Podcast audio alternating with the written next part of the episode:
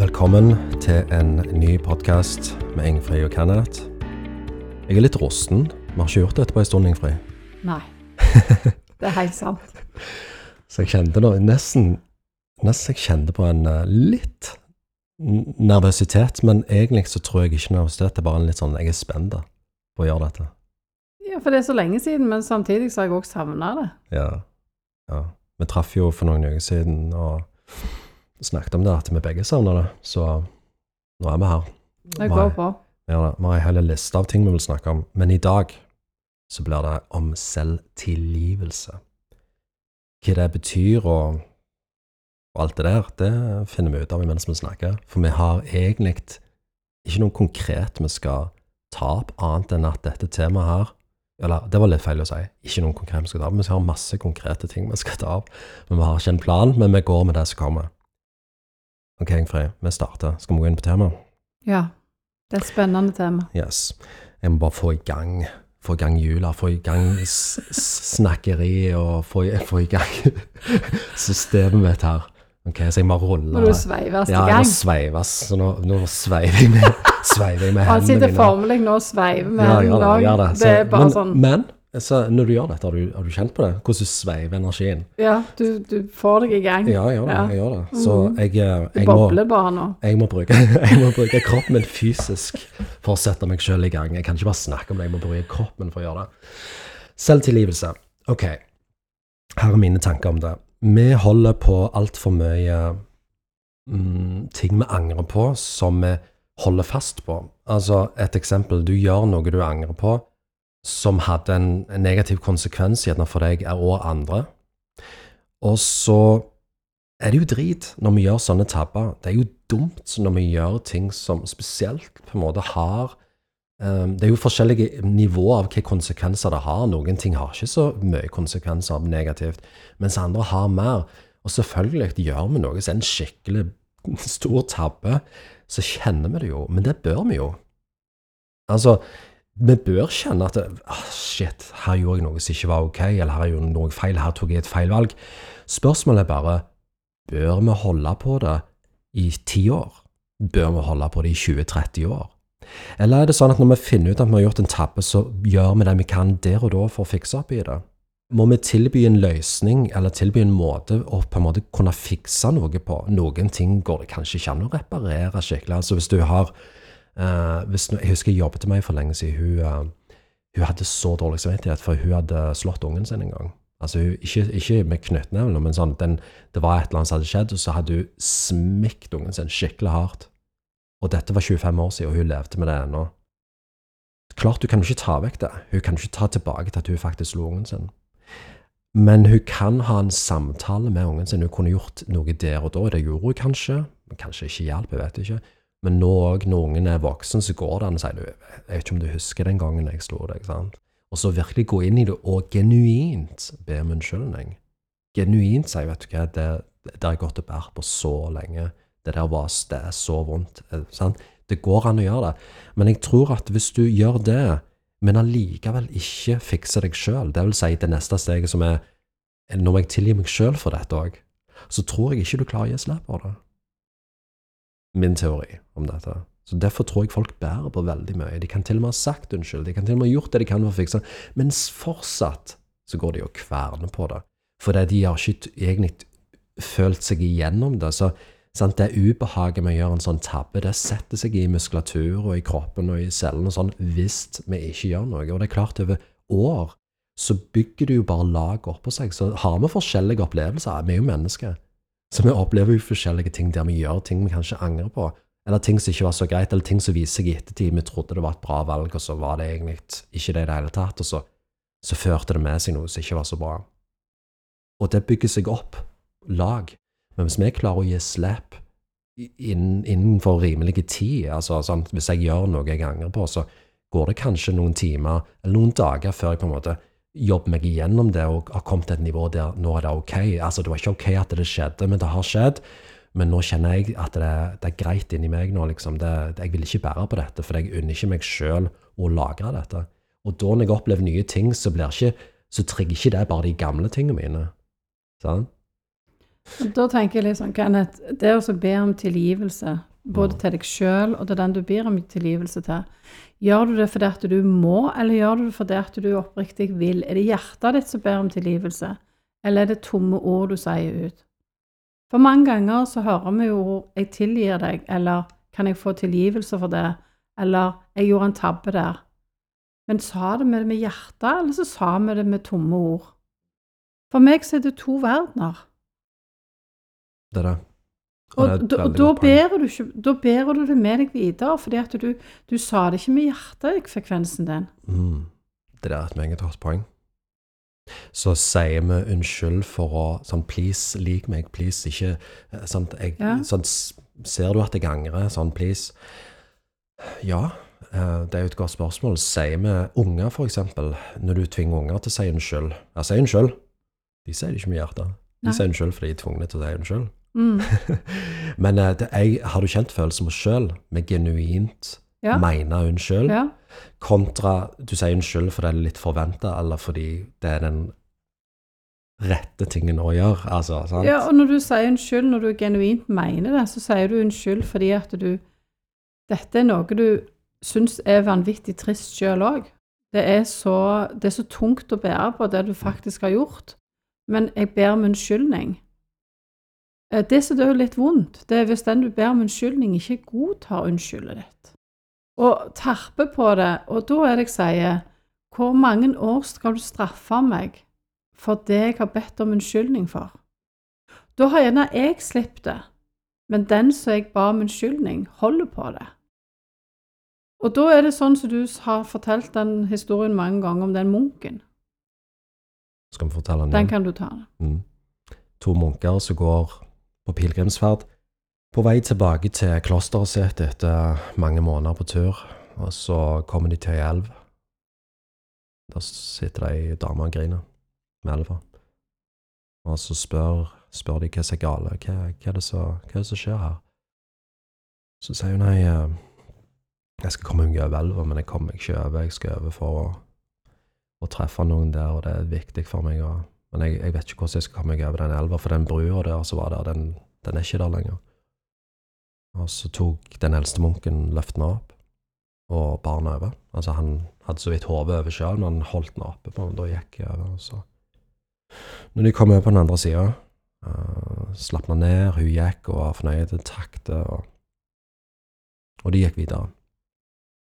Etter en stund så, så begynte den yngre munken liksom å sånn, Hvorfor gjorde du det? Altså, du vet at det er forbudt for oss å, å være i nærheten av, av damer. Vi har ikke, på en måte, det, det er en del av regelen at vi, vi skal ikke ha den kontakten med dem på den måten. Og, og han holdt på, han bare fortsatte. Han eldre munken han sa ingenting.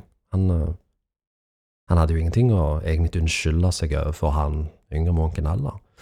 Så han bare lytta, og egentlig så tok han jeg vet ikke om han tok imot, eller om han bare lot det gå, liksom, at det var, han kunne bare forklage litt, han yngre munken, men etter en stund så ble det nok, så sier den eldre munken at eh, du, jeg har sluppet hun, dama for lenge siden. Hvorfor bærer du på henne ennå? Så det er poenget ditt, Ingefrid, med at den andre kan bære på det. Mitt perspektiv på det er at eh, vi har null kontroll over de andre. Så for meg, hvis jeg ber genuint om unnskyldning for noe, og den andre velger å bære på det, ærlig talt, for meg, jeg, da gidder ikke jeg bry meg. Da tenker jeg sånn, vet du hva, hvis du har tenkt å holde på dette her, når, når på en måte du har, når vi allerede har på en måte, vi har egentlig skulle ha kommet videre, men du ennå bærer på det, det kan ikke jeg hjelpe deg med. Og hvis du ikke klarer å la dette gå, så handler det om andre ting òg. Og de tingene der kan ikke jeg ta ansvar for. Jeg kan ta ansvar for meg og det jeg har gjort, og jeg ber om unnskyldning. Og hvis den andre ikke klarer å gi slipp, så er det ute av min kontroll. Så hva tenker du om det? Altså, eh, det er jo det som blir en utfordring for folk, tror jeg. For det, vi har så vondt av at andre er ennå sure på oss. Men Ja, og så vi- vet de ikke hvorfor de er sure. Ja, så hvis Altså- vi klarer å gi slipp på det, da Siden jeg vet jeg kan ikke kontrollere deg, Ingefrid. Så om du eh, hadde vært sur på meg Jeg hadde ikke likt at du hadde vært sur på meg. Det hadde ikke vært kjekt. Men jeg, hvis jeg vet at jeg har gjort mitt nå så hadde ikke jeg jagt deg og sendt hjertemeldinger til deg og sånn, og sagt unnskyld hver dag. og Jeg hadde ikke vært på den måten der for å fått deg på en måte til å gi slipp på det. Så kommer det an på hvilken type forhold det er. Sånn, Meg og deg kunne snakket om, om hvis hadde noe hadde skjedd mellom oss på den måten, der jeg hadde bedt om unnskyldning, måtte bedt om unnskyldning til deg, eller hadde vilt det, så, hadde jo vi, så er jo vi modne nok til å kunne ha samtaler rundt ting for å ordne opp. Dette kommer an på modenheten til folk òg. Altså, vi går jo rundt voksne, men i voksne kropper, men for å være ærlig, så syns jeg de fleste oppfører seg som unger i voksne kropper.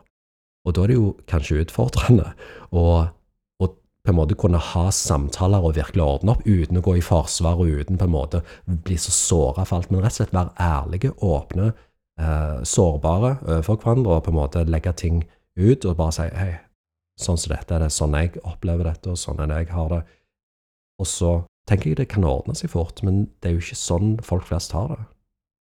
Nei, ikke sånn som jeg opplever det på min klinikk.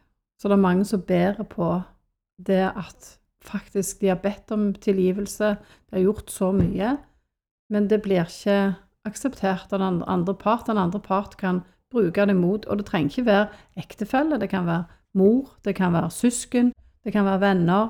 Det er ikke alltid at det er, blir tatt imot sånn. Det er veldig mange som leter etter feil hos andre, og ser ikke feilen hos seg sjøl.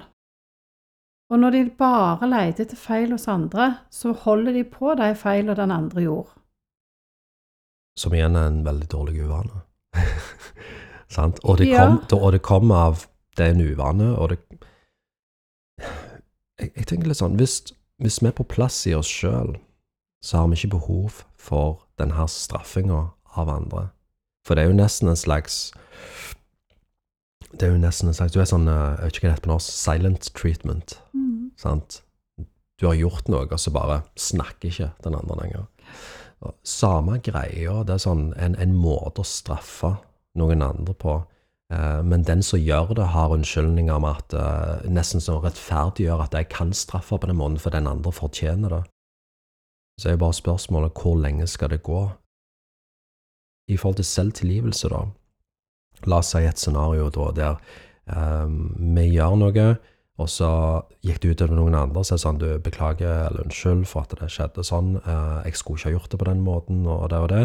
Hvis vi genuint da angrer, for det er jo noen ganger vi kan òg ha gjort noe som hadde en negativ konsekvens. Si sånn du, jeg beklager at dette skjedde, men for meg så var det faktisk rett å gjøre det på den måten, men at det gikk ut over deg, det var, det var dritkjipt. Hvordan tar folk det, sant?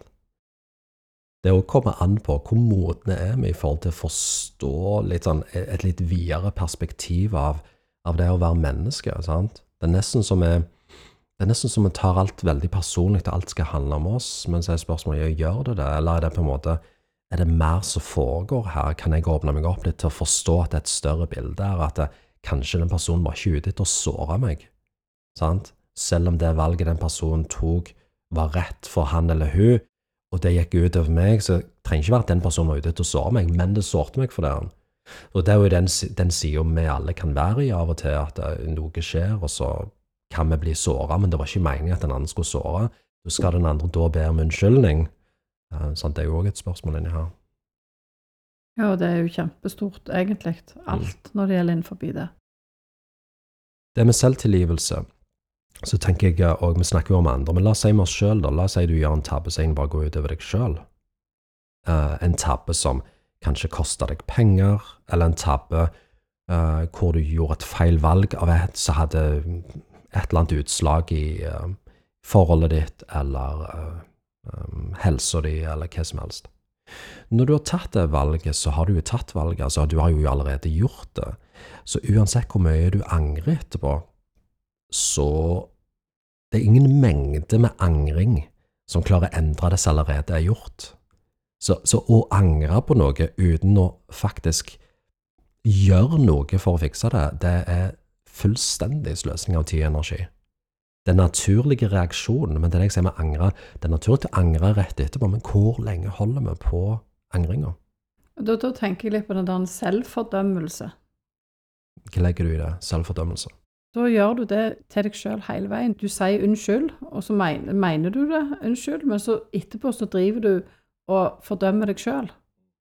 Så du hele veien du, du legger det på en måte ikke bak deg, du tar det hele veien med deg. Stemmer.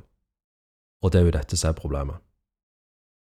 Så, du sier unnskyld, og du mener unnskyld, men hele veien når du ser den personen, så kommer du på det du egentlig har gjort, eller det den personen har gjort mot deg, eller du har gjort mot den. Og så driver du og fordømmer deg sjøl hele veien. Så du, du går bedre på, på episoden, eller episodene. Ja. Og det er der selvtilgivelsen ikke er blitt gjort. Ja. Jeg tenker som så min filosofi rundt det å gjøre noe som jeg angrer på, eller gjøre en tabbe, det er to forskjellige der. Så hvis jeg går på den jeg angrer på først, da, så jeg gjør noe jeg angrer på, noe jeg etterpå kan se at ok, det var ikke helt greit at jeg gjorde det, eller det var et feil valg, så kjenner jeg på den følelsen der. Jeg, jeg kjenner på den følelsen der. Sånn shit, den, jeg angrer, og jeg, jeg merker den i Sannsynligvis rundt i hjertet, solar plexus-området, sånn jeg kjenner den i kroppen, og så, så erkjenner jeg for meg sjøl sånn, du, jeg dette var, dette var ikke greit. Jeg tenker som så, Hvis du tillater deg selv å kjenne på den følelsen, så bruker den følelsen som en ressurs til å faktisk Egentlig er det et navigeringssystem som sier at det, nå gjorde jeg noe som, var i, mm, som ikke var i balanse med gjerne verdiene mine, med livsfilosofien min, med prinsippene mine. Og hvis jeg gjør noe som ikke er det, så skal jeg kjenne på at jeg angrer etterpå. For det er systemet som sier fra at hei, Du er ikke på rett vei her. Du må justere kursen din. Så jeg bruker følelsen av å angre som en ressurs. Og når jeg kjenner på den, så tenker jeg sånn OK, hva ville jeg ha gjort annerledes? OK, så tenker jeg på det, men jeg kan ikke gjøre det nå. Men hva kan jeg gjøre framover for å unngå dette? Og hva kan jeg gjøre for å bedre dette? Er det noe jeg kan gjøre nå for å begynne å fikse på det? For hvis jeg ikke fikser på det, men bare angrer på det, det er sånn Der kommer det inn sånn hvor, hvor er poenget med det? Sant? Det jeg tror de fleste gjør, og jeg hever ikke meg sjøl over her på noen måte, jeg har gjort en god del Jeg er god til å selvreflektere og har gjort mye arbeid med meg sjøl. Så for meg så, er jeg, så tenker jeg hvordan kan jeg bruke det jeg opplever, til å gjøre ting bedre, eller forbedre situasjonen eller meg sjøl i det som, er, det som jeg angrer på, eller det som jeg gjorde galt. sant? Men det jeg, jeg tror de fleste går i fella, er at uh, du nesten ikke vil tenke på det du gjorde, eller prøve å unngå det. sant? Men kanskje du, det var så ubehagelig at du egentlig ikke vil forholde deg til det, sant? men så ligger det jo der. Fordi du har verken egentlig latt deg sjøl erkjenne det og kjenne på det, og du har eh, heller ikke tenkt på hva jeg gjør jeg for å unngå det fram i tid.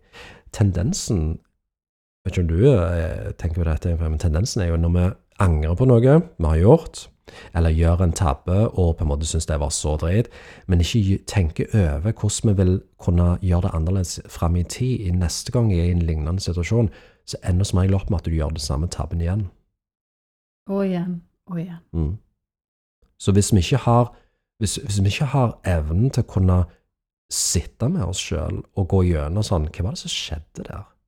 Hva, hva, var det? Hva var det på en måte som gjorde dette? Og Ok, fram i tid, hva gjør jeg? Altså, hvordan kan jeg fikse dette? Og fram i tid, hva gjør jeg for å unngå dette, da?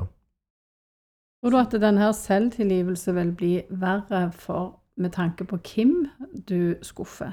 Jeg tenker på et, akkurat et barometer du har ektefelle, unger, sviger, alt dette her ned gjennom.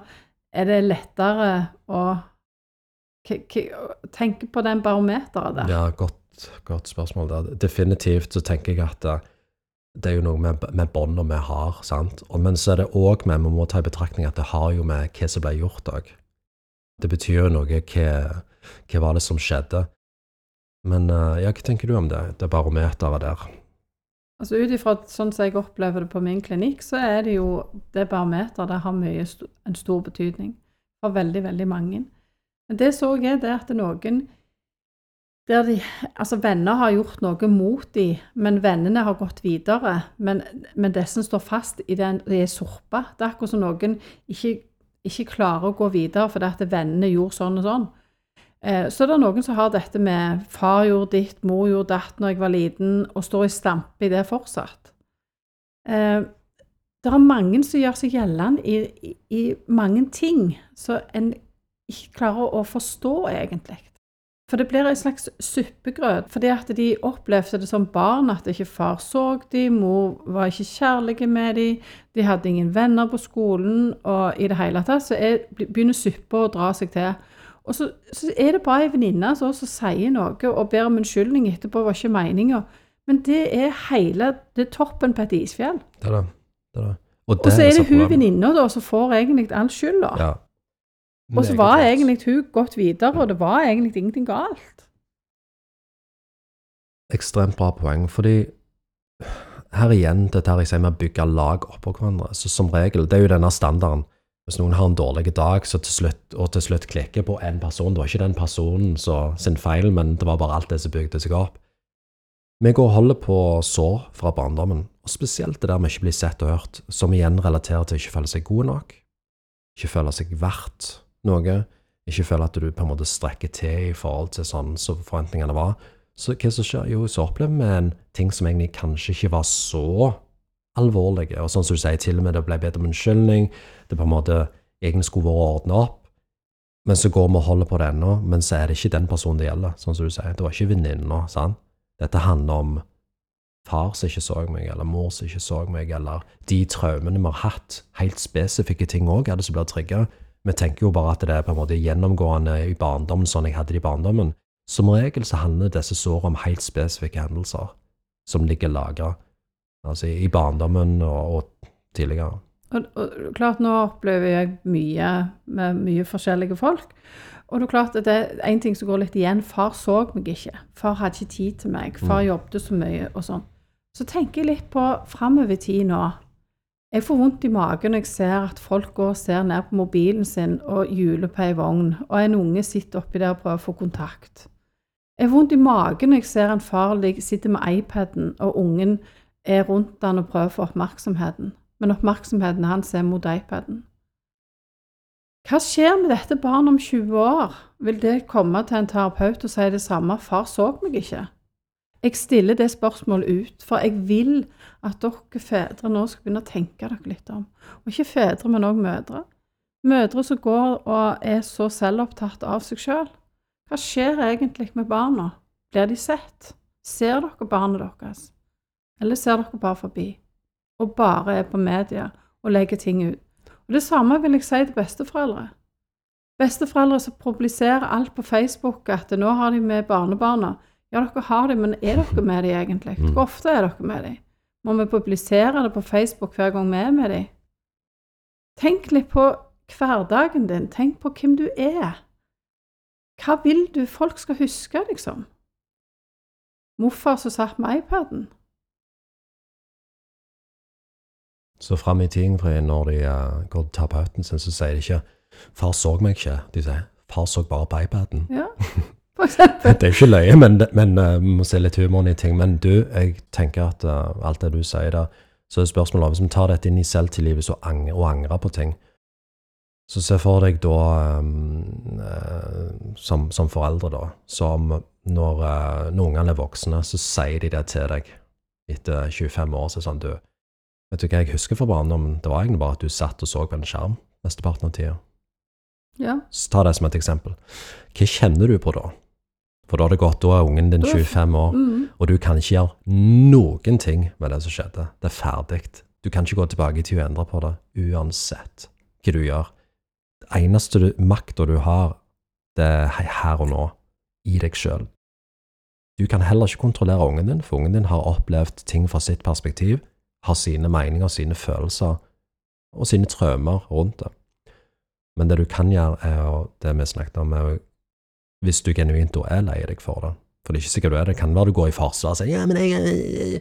Det er folk som gjør det òg, at de på en måte vil aldri innrømme at de faktisk gjorde noe som ikke var ok. sant? Det er jo den òg. Uh, eh, lykke til med det. Så, men det å faktisk uh, be om unnskyldning og snakke om det, ikke bare si unnskyld, men faktisk snakke om det. sånn, du, vet ikke, Det gjør så vondt i meg når du sier det. liksom sånn, Hvordan var det for deg? Hva, jeg husker noe spesielt? liksom. Hvis ungene mine hadde sagt noe sånt, så ville jeg ha visst litt mer, og jeg hadde engasjert meg. Og jeg hadde følt meg så drit. Men så er neste steg. Det kan jo godt være at du faktisk Det å be om unnskyldning er jo ikke nok til å, til å fikse opp i det. Så hva trenger vi å Kanskje vi må på en måte gjøre litt innsats da, fram i tid. Og det mener jeg med å fikse. Hva kan du gjøre for å fikse dette? Og det kan vi til og med spørre om òg. Er det noe jeg vet du hva, jeg vet det går ikke an å fikse det som har skjedd. Det går jo ikke, for jeg har jo allerede gjort det. Og uansett hvor mye jeg angrer, så endrer det seg ingenting. Men det er noe jeg kan gjøre nå, fra nå av. Klarer vi å være så sårbare og så åpne uten å gå i forsvar? For det, det er jo, for meg så er det kjærlighet å kunne bare være fullstendig bare egentlig legge seg litt flat og si vet du hva, ja, du har helt rett. Men da må du ha selvinnsikt. Du må ha selvinnsikt og Hva skal jeg si? Evnen til å gjøre en endring i deg sjøl. Villigheten til å innrømme at du har gjort feil. Ja. For det, det er ikke alle som vil innrømme at de gjør feil. Det er så ubehagelig å si 'jeg gjorde en feil' for mange. Så det er veldig ubehagelig. Så det er, også, det er mange ting der som foregår. Og så er det neste steget der, blir det jo da Hvis ungen sier nei, du kan ikke fikse det, men bare gi det litt tid, ok, da er dere på vei, sant? Eh, Eller ja, vi kan gjøre dette, men jeg tror ikke det er noe å fikse det annet enn at vi må faktisk se ungene våre og møte dem etterpå, da. La oss si i, i en sånn Mm. relasjon. Jeg vet jo ikke løsningen her. Det, alle situasjoner er jo unike, så du kan jo ikke si alt, sant. Så tenker jeg etterpå der, da. Du må tilgi deg sjøl òg. Hvis du ikke tilgir deg sjøl der, så kommer du til å holde på å angre resten av livet ditt i forhold til det. Selv om relasjonen deres blir fiksa opp, så kommer fortsatt den forelderen til å kjenne på at 'jeg gjorde det jeg gjorde'. Sånn. Uh, ubevisst eller bevisst kommer den personen til å kjenne på det. Hvis ikke den personen jobber med seg sjøl. Og da å jobbe med seg sjøl, hva betyr det der? Vi snakker om å genuint be om unnskyldning. Jeg, jeg tenker på å genuint si til oss sjøl at vet du hva, eh, dette her var ikke rett av meg, og jeg ønsker jeg gjorde det annerledes, men nå har jeg gjort det jeg gjorde. Det der med å akseptere at jeg har gjort en feil. Sant? Det å erkjenne og akseptere at sånn er situasjonen nå. Dette gjorde jeg faktisk, og sånn er det. Og så begynne å gå gjennom og tilgi seg sjøl. med å faktisk, og Kanskje det er en prosess som tar lang tid. Så kanskje det er en prosess som kan ta ukevis, månedsvis, før du klarer å komme gjennom det og på en måte erkjenne det. Eh, Jeg skal si noen tips etterpå i slutten om hvordan vi kan, altså rent sånn hvilke teknikker vi kan bruke for å tilgi oss sjøl òg, men det kan vi spare til slutten. Mm. Jeg må spørre deg, Ingfrid, i forhold til dette her som jeg nevner med å bruke det å angre på noe, heter det anger? Ja. Jeg gjør det? Ok. ja, jeg vil si det. Når du, når du holder på anger for noe, sant? at du på en måte har gjort noe og du kjenner at det var ikke var ok, hva tenker du om det faktum at Eller faktum, sier jeg, jeg mener jo det, dette er fakta. Den følelsen der kan bli brukt som en måte å navigere videre på, istedenfor å bli brukt til å egentlig sabotere seg sjøl enda mer, og ødelegge ting enda mer. Eh, Hvordan ser du på det? Det er jo den måten du kan få vekst i deg sjøl. Det er den måten du kan bli styrka av det du gjorde. Det du, den handlingen du gjorde, kom du styrka ut av det med. Da kan du få en vekst i deg sjøl. Vi ser tilbake oss igjen på at det jeg gjorde der, det ga et veiskille for meg. og En forståelse av hvordan jeg sjøl sårte andre, sårte meg sjøl, men jeg går faktisk videre. Og jeg går faktisk videre med heva hodet og sier, og bruker det kanskje, og fortelle andre om den feilen du gjorde. Og klare å blottlegge den feilen du gjorde, og si ja, jeg gjorde en feil. Jeg gjorde en kjempebrøler når vi flytta huset som vi da har gjort, og pakket ned et helt hus som inneholdt mye. Og i den tida så pakket vi i de hersens svarte båssekkene. Det var jo kjempeenkelt å, å gjøre. Men i en båssekk, hvordan vet du at du plukker rett båssekk til enhver tid? Så det jeg klarte å gjøre, det var å sette en haug med båssekker som skulle brennes. Vi har jo en gård som vi brenner en del ting, så er til mangens eh, fortvilelse, men vi gjorde det. Men da ble det tatt en feil båssekk. Og i den båssekken der så var det en del leger som hadde en stor betydning for noen av eh, For våre barn. Den båssekken brant. Men jeg kan ikke jeg kan ikke ta den båtsekken tilbake igjen. Jeg kan ikke ta de legene, jeg kan ikke gå og kjøpe de legene på bruktbua, for de, de legene eksisterer ikke, det er ikke deres leger.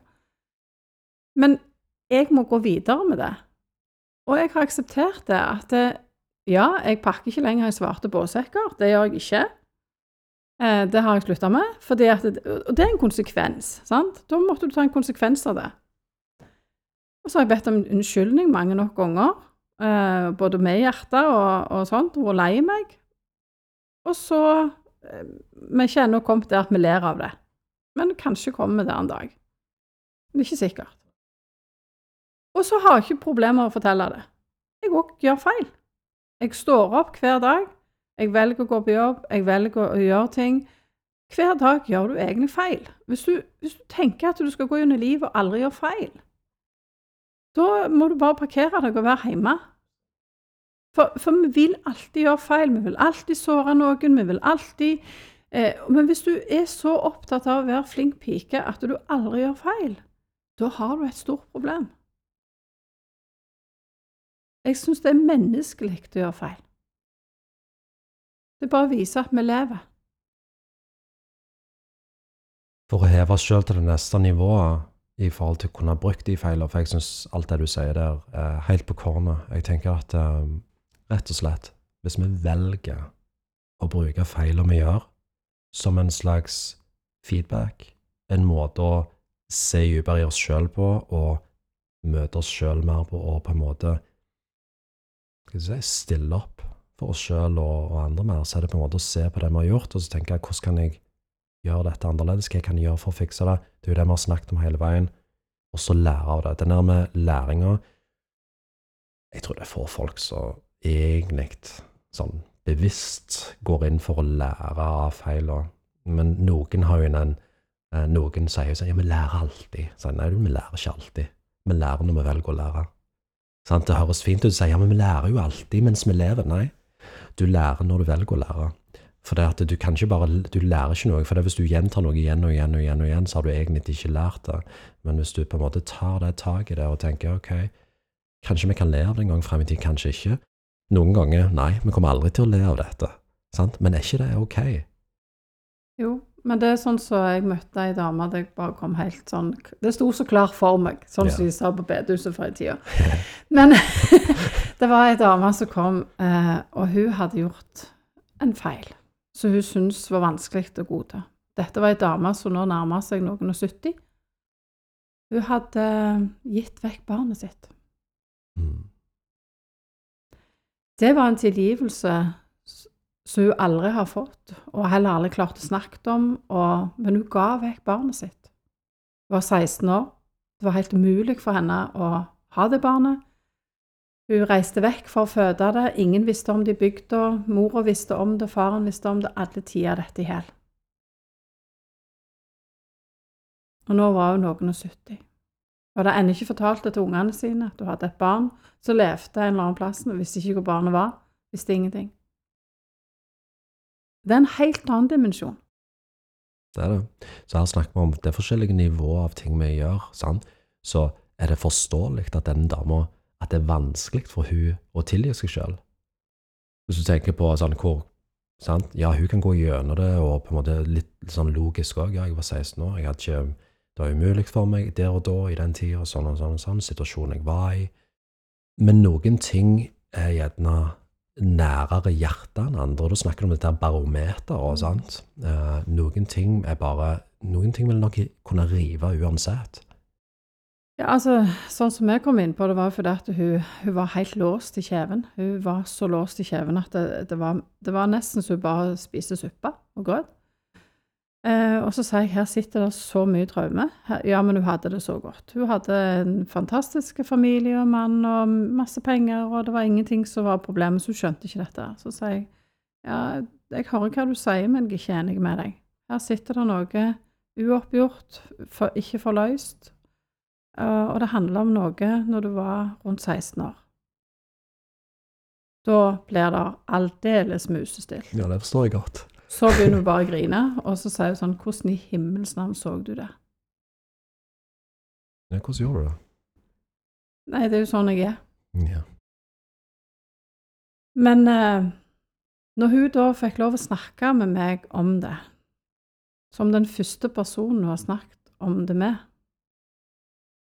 så var det jo veldig godt for hun. Så vi holder på å jobbe med det. En dag skal hun fortelle det til mannen, en dag skal hun fortelle det til barna. Ikke kommet der ennå. Det tar tid. Men kjeven, den har løsna. Nakken, som hun har hatt problemer med, alltid har løsna. Skuldrene har dalt ned. Pusten kommer roligere. Har ikke problemer med hjertet plutselig lenger. Har så mye stikninger til hjertet. Det var ingenting galt med hjertet i henhold til legene, men hun hadde så mye vondt i hjertet.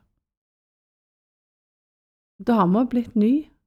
Mannen sier du ser så letta ut. Ingen forstår hvorfor, unntagen meg og hun. Så vi bærer på. Dette har hun båret på fra hun var 16 år og til hun var noen og 70. Dette du nevner her med den der 'det er ingen bedre bevis' på at traumer fra langt tilbake i tid påvirker oss ennå uansett alder, at kroppen husker.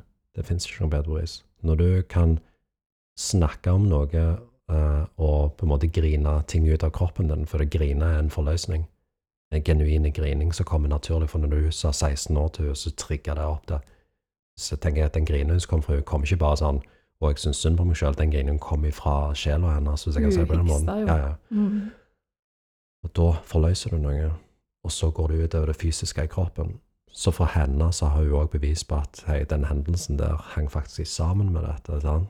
Ja, det kan være andre ting òg, men, men her er det ting som på en måte sant? det henger sammen. Det beskriver òg det som vi har snakket om her i denne podkasten, at hvis du bare holder på ting, så påvirker det kroppen. Det påvirker oss fysisk. Slipp ikke unna det. Sånn er det bare. Vi er bygd på den måten. Så spørsmålet er lar vi det gå så langt? For når det går utover det fysiske, så betyr det at vi har holdt veldig lenge. Det har ligget og gjært seg og modna seg ganske lenge i underbevisstheten vår. I det mentale, emosjonelle feltet vårt. Før det bryter ut fysisk. Noen ting kan bryte ut litt kjapt fysisk, men andre ting bygger seg opp over tid. Hun sa jo det når hun kom, så sa hun det. Jeg har grudd meg til den timen. Så tenkte jeg Når jeg så henne, så tenkte jeg det har du helt sikkert. Eh, men etter hvert så sa hun jeg forstår ikke hvorfor jeg grudde meg, for du, du, det var jo egentlig bare helt fantastisk, sa hun liksom etter første gang. Og da var vi ikke inne på det med 16 år.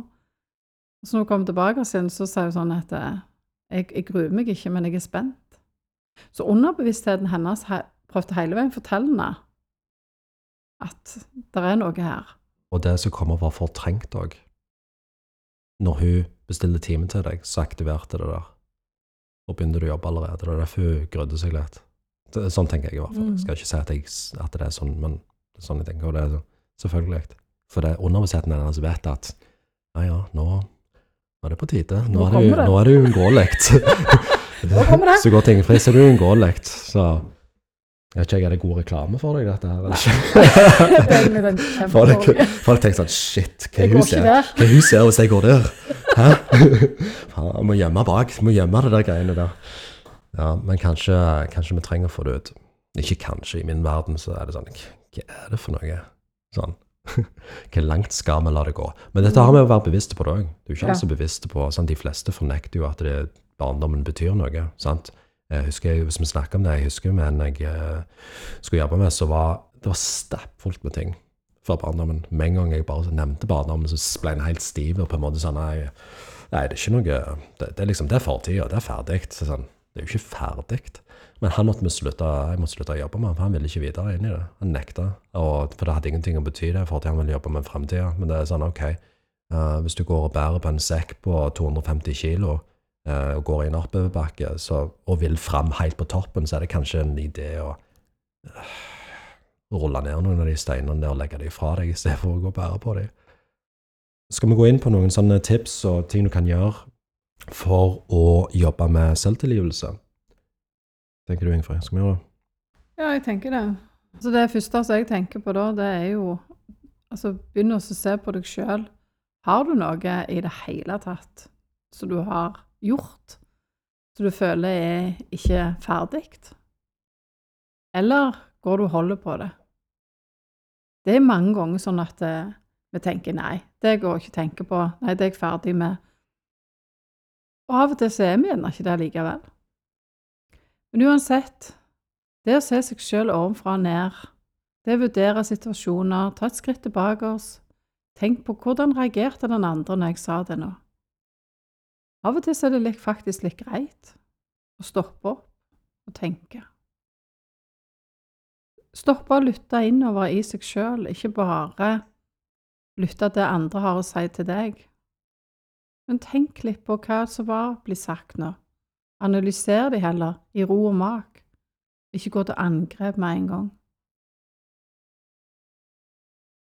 Bra råd.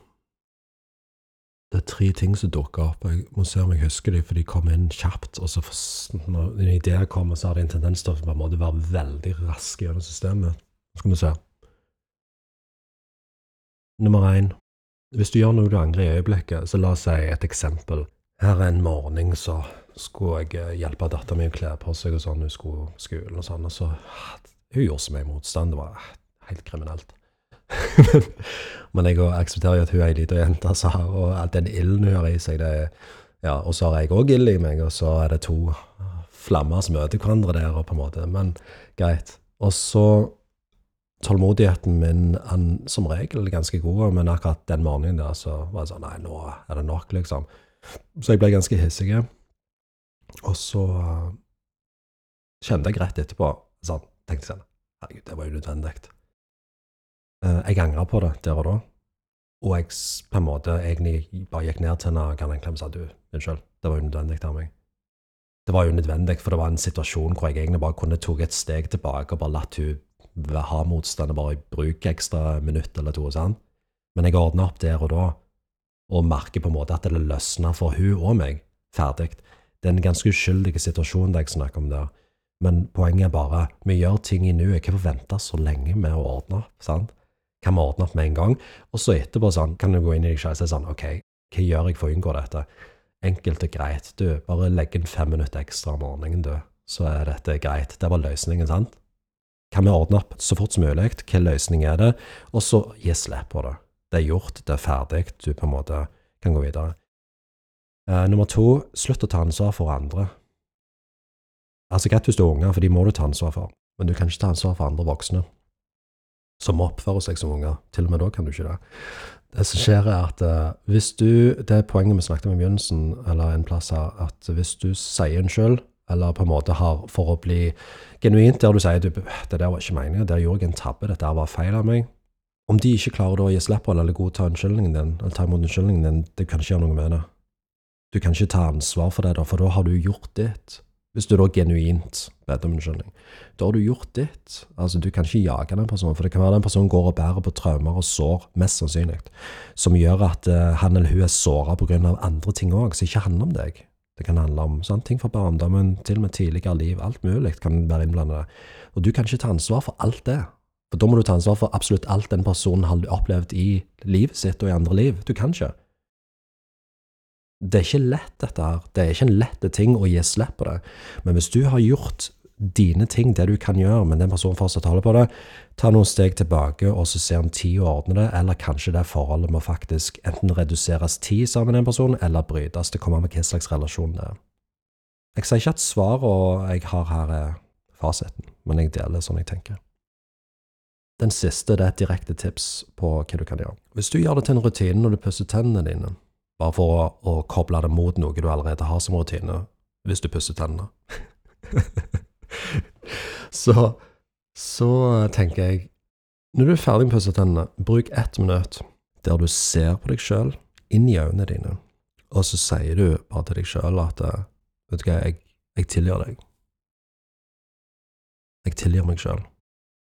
Men se deg sjøl inn i øynene når du gjør det. Det er mange som vil unngå å se seg sjøl i øynene, men hvis du ikke klarer å se deg sjøl inn i øynene, så har du en jobb å gjøre. Da hadde jeg i hvert fall gjort det. Se deg sjøl inn i øynene, for hvis du vil bli sett, hørt og, og, forstått, så er du den første som trenger å gjøre det med deg sjøl. Kan ikke bli sett, hørt og forstått av andre folk uten å se, høre og forstå deg sjøl. Se deg sjøl inn i øynene. Fortell deg sjøl, si til hun eller han der i speilet, jeg tilgir deg. Du kan si det i andre person sånn, jeg tilgir deg, du kan også si det i første person, jeg tilgir meg sjøl. Begge deler. Morning, kveld. Gjør det i en måned. Jeg utfordrer deg. Ikke sikkert du tar utfordringen, men hvis du gjør det, så tenker jeg at du er en av de som faktisk velger å lære, velger å vokse, velger å utvikle deg, i stedet for å velge å sitte fast i alt. Har vi det da, Ingrid? Da har vi det. Mm. Takk for at du brukte tida di med oss. Vi setter pris på deg.